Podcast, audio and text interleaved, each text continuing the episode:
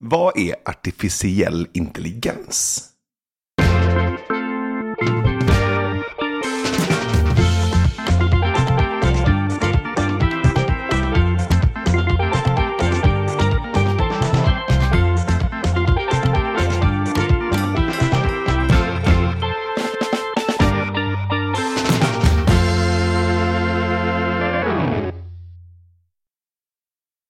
Oh, um eh, oftast så kan man väl säga att det är ett, ett, eh, ett datorprogram som eh, kan lösa problem där det finns förändrande omständigheter. Kanske. Eller den kan ta, ta, liksom ta in att saker och ting förändras lite, på någon nivå i alla fall.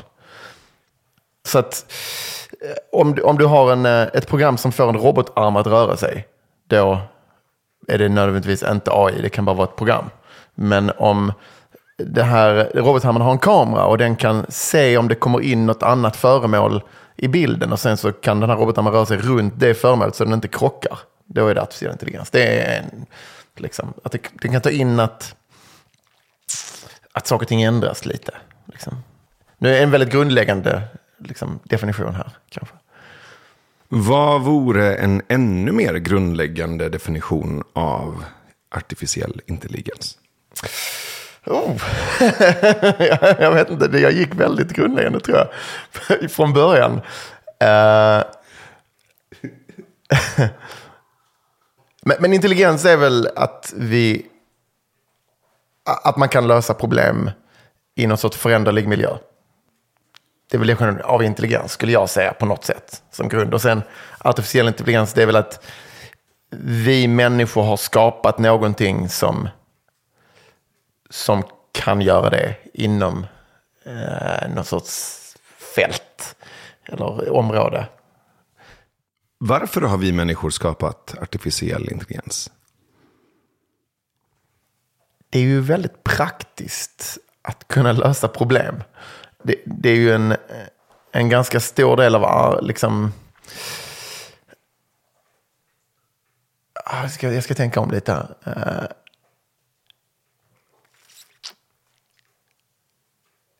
en väldigt stor del av arbetet som vi gör är ju på något sätt intelligensrelaterat. Det handlar om att planera saker, fundera ut saker, hitta lösningar på saker.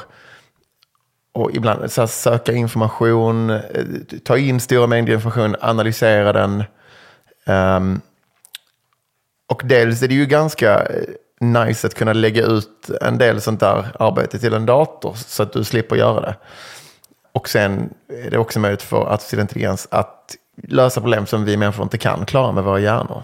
Till och med nu. Alltså, det såg vi ju redan med när liksom Deep Blue slog Kasparov i schack liksom, och blev den bästa schackspelaren i världen. Ehm, att i, i, så- på så här snäva områden är AI redan bättre än, än människor på att lösa vissa problem. Liksom. Varför har vi människor skapat något som löser våra problem åt oss? Det finns ju många problem som vi, som vi vill lösa som är viktiga att lösa, som är väldigt bra att lösa. Jag menar om, om vi skulle kunna göra en AI som kan hitta en bra botemedel för de flesta cancerformer så vore det jäkligt fint. Um, till exempel. Så den sidan av problemlösning är ju väldigt liksom, uppenbar varför man, man jagar det att kunna att kunna använda artificiell intelligens för att hitta lösningar på stora problem som vi verkligen behöver hitta lösningar på. Och som det kanske är svårt eller omöjligt för våra hjärnor att uh, ta in. Liksom. Framförallt om det handlar om väldigt stora informationsmängder, till exempel. Vad har artificiell intelligens som vi människor inte har som gör det möjligt att den kan lösa problem som vi inte kan lösa?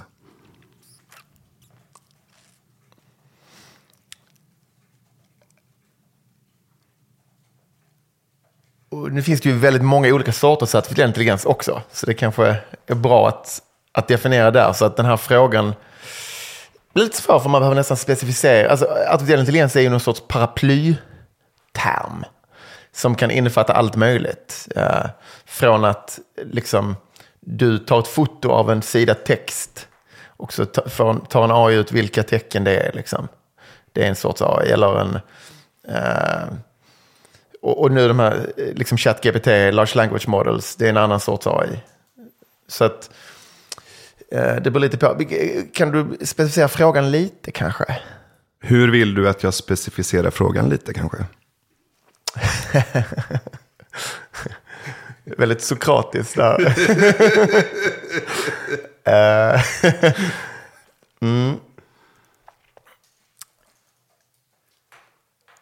Okej, jag försöker svara på den där. Men Jag försöker svara på frågan vad- har AI som vi inte har. Och den, den, har ju, de har ju ett oändligt tålamod på sätt och vis. Den har... Eh, AI har, är ju inte liksom begränsad av samma koncentrationssvårigheter som, som våra mänskliga hjärnor har. Vi tar ju in väldigt mycket av, väldigt mycket av världen. Men du kan ju göra en AI som, som bara tar in exakt den typen av information som, som den behöver ha. Om du vill, eh, och, och, både på, på gott och ont. Right? Om du vill göra en AI som, kan, som blir väldigt bra på att förutse vilket väder vi kommer ha imorgon. Då, då kan du trycka in bara all meteorologisk data i den. Och det, det är den enda information den tar hänsyn till. Och det kan ju också bli en svaghet om det är så att det är svårt att förutse exakt vilken typ av data som, som man behöver för att förutse vädret. Eh, Men det gör ju också att den kan ju koncentrera sig bara på det. Och den kommer inte också att tänka på vad den ska ha till middag. Och det är ingen som ringer till den och säger oj, ditt barn hamnar i slagsmål i skolan. Och, alltså du vet, det, är- den, är- den är, det är väldigt fokuserat på något sätt. Där. Vilka olika sorters AI finns det? Det är lite ospeciellt, men det, det som talas om nu är de här large language models som, som ChatGPT, eller, nu finns det ganska många olika, men som, eh, som i princip har med språk att göra. Och dess enda jobb är egentligen bara att förutse nästa ord. Och det har visat sig att kunna gissa vilket nästa ord, nästa lämpliga ord är efter en massa text. Eh, det gör den ganska smart om den har läst hela internet. Liksom. Ehm. Så att, ja, textgenererande AI, en, generativ AI är en väldigt stor grej som kommer nu, som är i princip att den, det är som de här ehm, bildskapande AI-erna, Dali eller Midjourney är väl de stora exemplen nu. Och man kan säga att det är kreativ AI. Uh, ehm. och där finns en enorm framtid, tror jag. För det, det är svårt att ibland att se varför det är en så stor uppfinning. Men, men man kan ju skapa allt möjligt. Och man, man kan ju tänka sig i framtiden att man tar och trycker in jättemycket data om mediciner. Och sen så kan man be en AI hitta på en ny medicin för den här sjukdomen. Eller man kan eh, trycka in jättemycket vetenskapliga data och så ber man den komma på nya vetenskapliga formler. Eh, det, det finns väldigt mycket som, som, som det där skulle gå att använda till. Eh, sen finns det AI som har med så här, eh, att ta in miljön och ändra hand, handlingar för, för robotar som, som självkörande bilar. Du har en självkörande bil, den kör längs med gatan, den har kameror som ser det som händer runt omkring. Den gör någon sorts analys där den försöker förstå vad som händer. Och ehm, sen eh, så kan den ändra hur bilen kör baserat på vad den tror kommer hända. Och i princip så, så förutser den i varje ögonblick hur den tror det kommer att se ut nästa millisekund. Liksom. Och gör det inte det så ändrar den. Liksom, eller så, så den gör, försöker förstå vad som händer runt omkring och sen agera på det. Uh, sen finns det ganska många äldre sorters AI också. Men det här är väl de som, är ganska, som diskuteras väldigt mycket nu. Men det är ett gammalt fält. Det är ända sedan 50-talet typ. Vilken var den första AIn?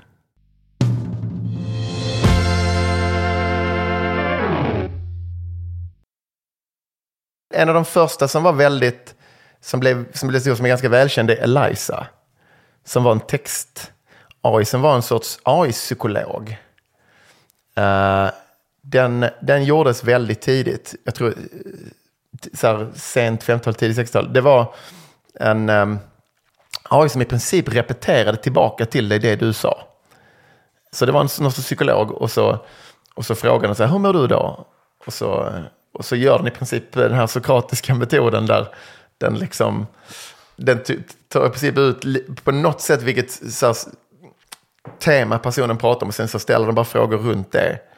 Och ganska simpel, liksom formelföljande äh, grej. Men folk blev helt äh, besatta av den och trodde verkligen att den var medveten ibland och så. Um. Hur vet vi om AI är medvetet eller inte? Det är ju väldigt svårt att veta. Uh, men medvetande är också en ganska ja, komplext koncept. Det är ju ganska, det är till och med svårt att veta om någon annan är medveten. Men med en annan människa så har vi ju anled, kanske mer anledning att anta det eftersom de är liksom uppbyggda på samma sätt som vi själva är. Och det är väl bäst odds att, att uh, andra människor fungerar ungefär som man en själv gör. Så. Men med en AI så är det väldigt svårt att veta. Uh, för de kan ju ge intrycket av att vara medvetande även om de inte är det till exempel. Och det, det var ju ett exempel med någon um, Google-ingenjör som, som fick sparken efter att han hade gått ut med någon sorts varning om att den här AI han höll på att prata med höll på att bli medveten eller var medveten. Uh, och det var det nog inte. Men det intressanta där är att den, den var ju tillräckligt mycket av någonting för att kunna övertyga någon person så mycket om att den är medveten att han är beredd att förlora sitt jobb. Och vad är det för någonting tror du? Just nu så är de här textgeneratorerna, det är, det är ju att de förutsäger nästa ord. Och de är ganska döda. Jag tror ju att på, vid något tillfälle i, framåt i, i framtiden så kommer AI att uppnå någonting som liknar medvetande. Um, Vad får dig att tro det? Det är förenat med någon sorts tro på att medvetande är ett mönster och inte en inte liksom bundet i atomerna på något sätt. Jag tror att det är ju någon sorts filosofisk tro kanske mer än någonting annat. Men, men jag, jag, tror att, att medvetande är ett program. Det är inte datorn i sig. Kanske. Och det går ju framåt väldigt, väldigt fort. Men om man, men om man tar så här ChatGPT eller de här AI-modellerna som ChatGPT är baserat på. Dels idag så är, är det ju typ en död låda kan man säga. Om, om ingen ställer en fråga till den så är det inte så att den ligger där och tänker. Utan det, det är en låda, det, det, finns, det är ingenting som tänker där inne. Och sen så, så ger du den ett gäng text och så säger du förutse de nästa 20 lämpliga orden. Och så kommer de ut, pop, pop, pop, pop, pop, pop, pop, och så får du dem. Och nu är den lådan död igen. Den har liksom inget, Ingen så här loop i huvudet som, som ligger och snurrar. Som antagligen alla med medvetande har. Liksom att varje tanke feedar in i sig själv till nästa. Eh, och den lär sig heller ingenting. De här AI-modellerna just nu, det här är också något som kommer att ändras ganska snart tror jag.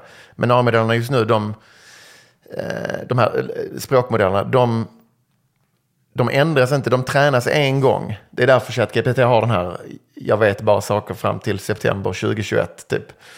Eh, de tränas en gång och sen, och sen det de har lärt sig då, det vet de.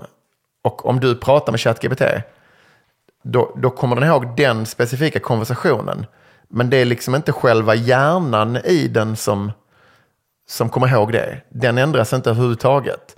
Det, det är frågan som ändras. Att varenda gång du ställer en, en ny fråga i samma session i ChatGPT så sparar den liksom, så, så har liksom hemsidan sparat historien av er konversation. Och den eh, skjuter in historien av konversationen också i AI. Så det, den har liksom bara någon sorts konstigt litet korttidsminne baserat på att frågan ändras. Själva hjärnan som tänker är exakt likadan som det var för ett halvår sedan. Många är ju rädda för AI. Varför tror du att de är det? dels så är ju folk alltid rädda för saker som är nya. Eller många människor är rädda för saker som är, som är nya och svåra att förstå.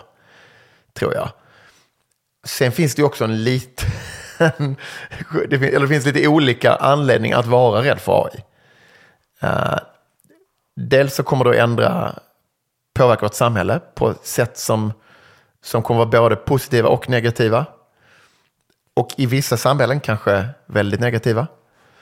Uh, så det finns ju en, en, ganska stor anledning att vara rädd för vad människor kommer att använda AI till. Det är ett kraftfullt verktyg. Liksom. Och sen finns det väl en jätteliten chans också för Terminator-scenariot eller någonting att, att AI faktiskt tar över och, och tar koll på alla människor. Um, jag tror personligen att det är en väldigt, väldigt liten chans. Men det är en chans. uh, eller som, jag, jag, tror Elon Musk sa en väldigt bra sak om, uh, om riskerna med AI. När de frågade honom. Uh, han sa, alltså en bra grej med rysk roulette är ju att fem av de här patronkammarna är tomma. Det tycker jag beskriver ganska bra hur five of the chambers are empty.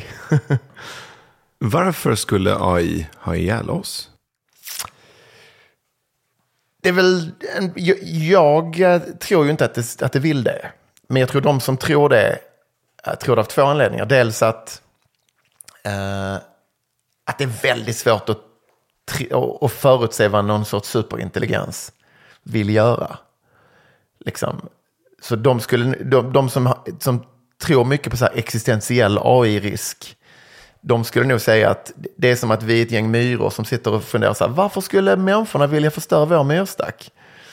Ja, de kanske vill bygga någon sorts intergalaktisk motorväg eller de kanske de kanske behöver den biten mark för att liksom odla någonting eller de kanske liksom...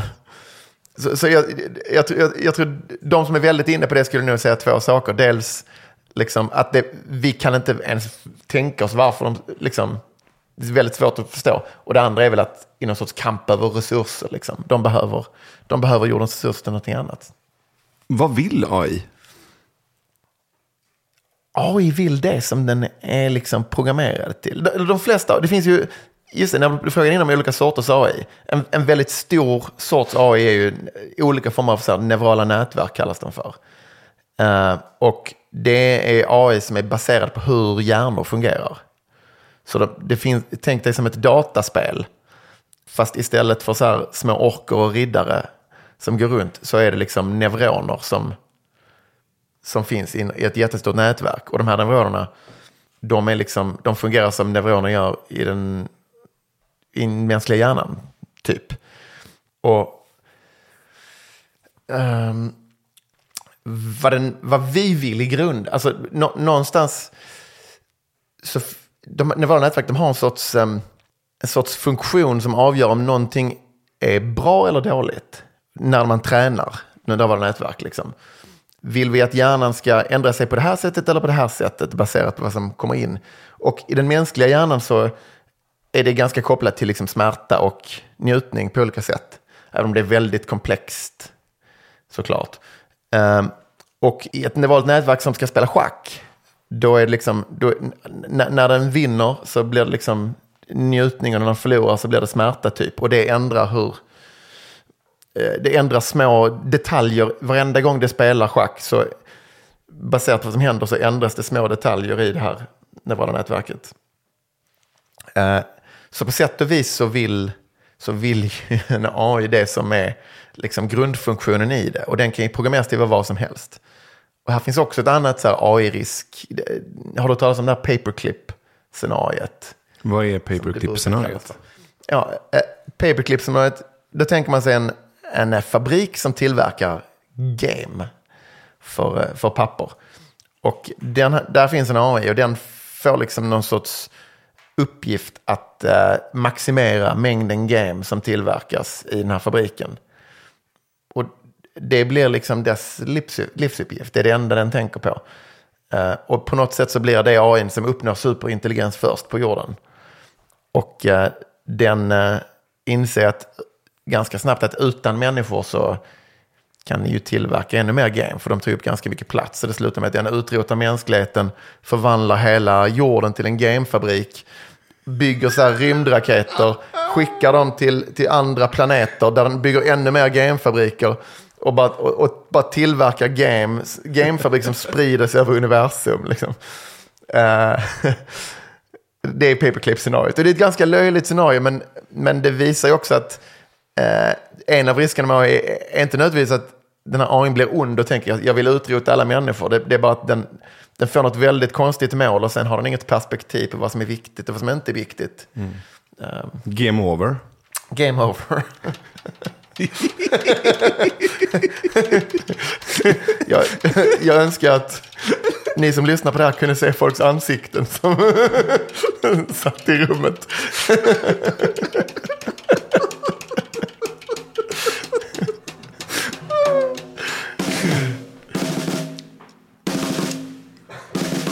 Om du fick bestämma helt över världens utveckling av AI, vad hade du tagit för beslut då? Oj, oj, oj. Jag är ju ganska för AI. Uh, eh, I det att jag tror att det kommer att göra otroliga saker för mänskligheten. Um, och det borde vi gå in på senare på något sätt också. Eh, men jag tror också att man, man ska vara väldigt försiktig i utvecklingen av det. Så jag är väl ute efter någon sorts mellanväg.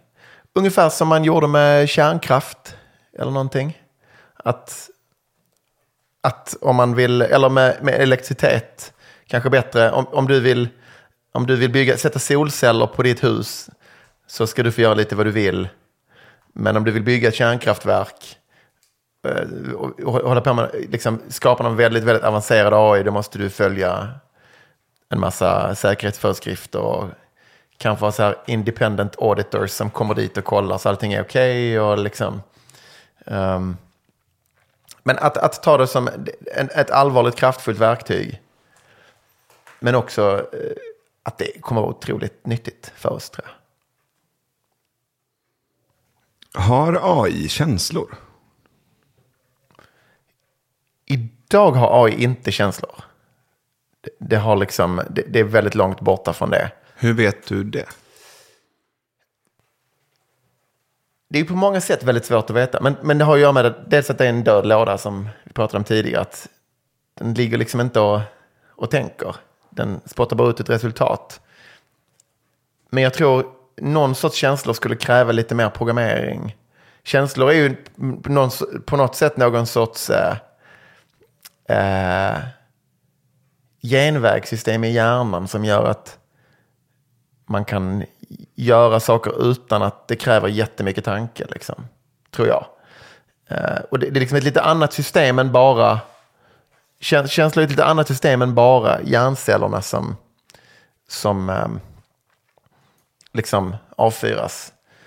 Och för att AI skulle ha känslor skulle jag gissa att man behöver ha lite andra saker i de här matematiska modellerna för att men, men jag tror absolut det är möjligt att de skulle kunna ha känslor någon gång. Och helt säker kan man ju aldrig vara kanske. Uh, men, men det är också eh, lite samma fråga som, liksom, har en myra känslor? Och, eller har masken C. elegans känslor? Den har så här 302 neuroner eller någonting. Jag skulle gissa att den inte har känslor. Men eh, who knows? Vad är den konstigaste myten du har hört om AI? Oh, väldigt spännande fråga. Uh...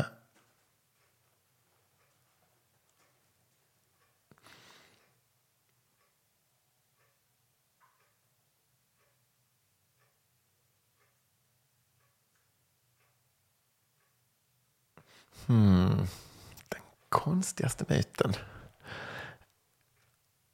Det är svårt att veta exakt vad du menar med konstigt. Alltså jag, jag försöker hitta någonting. Det finns ju väldigt mycket så teorier om var det kommer att gå. Och även sånt som att liksom, vi är väldigt nära det som brukar kallas för AGI. Liksom Artificial General Intelligence. Som i princip är alltså, en AI som är på mänsklig nivå på något sätt. Eh, som kan klara av de, de flesta liksom, tankeproblem lika väl som en människa kan. Eller uppgifter. Um, och det finns ju många som nu som, som tror att det är liksom så här, sex månader bort eller att det redan har hänt i princip. Um, fast det är ju inte jättekonstigt längre. För två år sedan så skulle jag sagt det är konstigt. Men nu så har det gått så fort att man bara mm, okay, vi får se. Det är svårt att veta vad som... Uh, jag, vill hitta, jag vill hitta någonting konstigare i huvudet. uh, jag måste börja lyssna mer på, på konstiga myter om AI känner jag. För att kunna svara roligare på den där frågan. Jag behöver hitta så här eh, AI-världens Qanon. Vad är AI-världens eh, Qanon? Uh, det vet jag inte. Det, det, var en artikel som skrevs nyligen om lite olika så här, faktioner inom, inom AI. Uh, eh, med så här, doomsayers som är de som verkligen tror på någon sorts så här, existentiell undergång som kan hända. Det finns, det finns folk som är väldigt oroliga över det som kommer hända nu. Att AI kommer användas kanske för att sprida desinformation och eller att eh, diktatorer kommer använda AI för att avlyssna alla telefonsamtal, kanske alla samtal som sker i hela landet. Liksom den typen av um,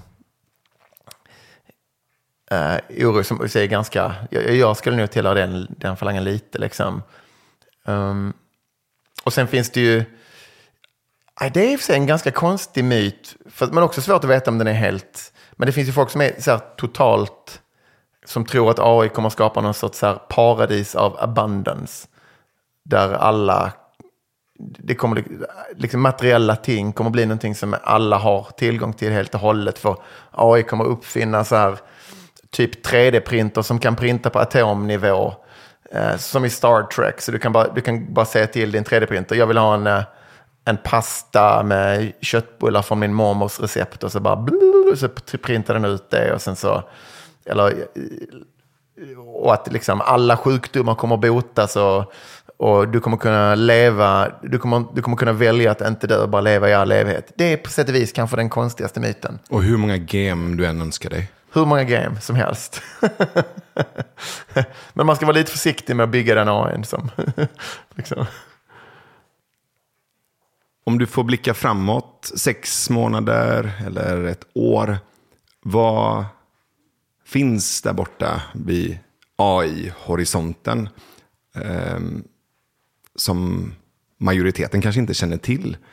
Vad är de två, tre nästa innovationerna eller nyheterna inom AI som är på väg.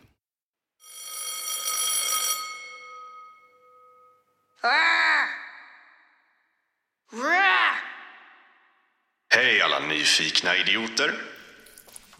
Nu är det som så att det går att kombinera magi med artificiell intelligens. För det har redan bevisats genom den här halvtimmen med hjälp av trollkaren och robotbyggaren Charlie Caper. Och om du vill ha mer magi och mer intelligens så ska du sanna mina ord just nu. Gå in på www.patreon.com nyfikna idioter så kommer du att hamna på Hogwarts. Ett digitalt Hogwarts. Mer än så har jag inte att säga nu. För jag är helt tagen av den här lektionen. Och ändå är jag rektor. I all vänskaplig mening, rektor Ström.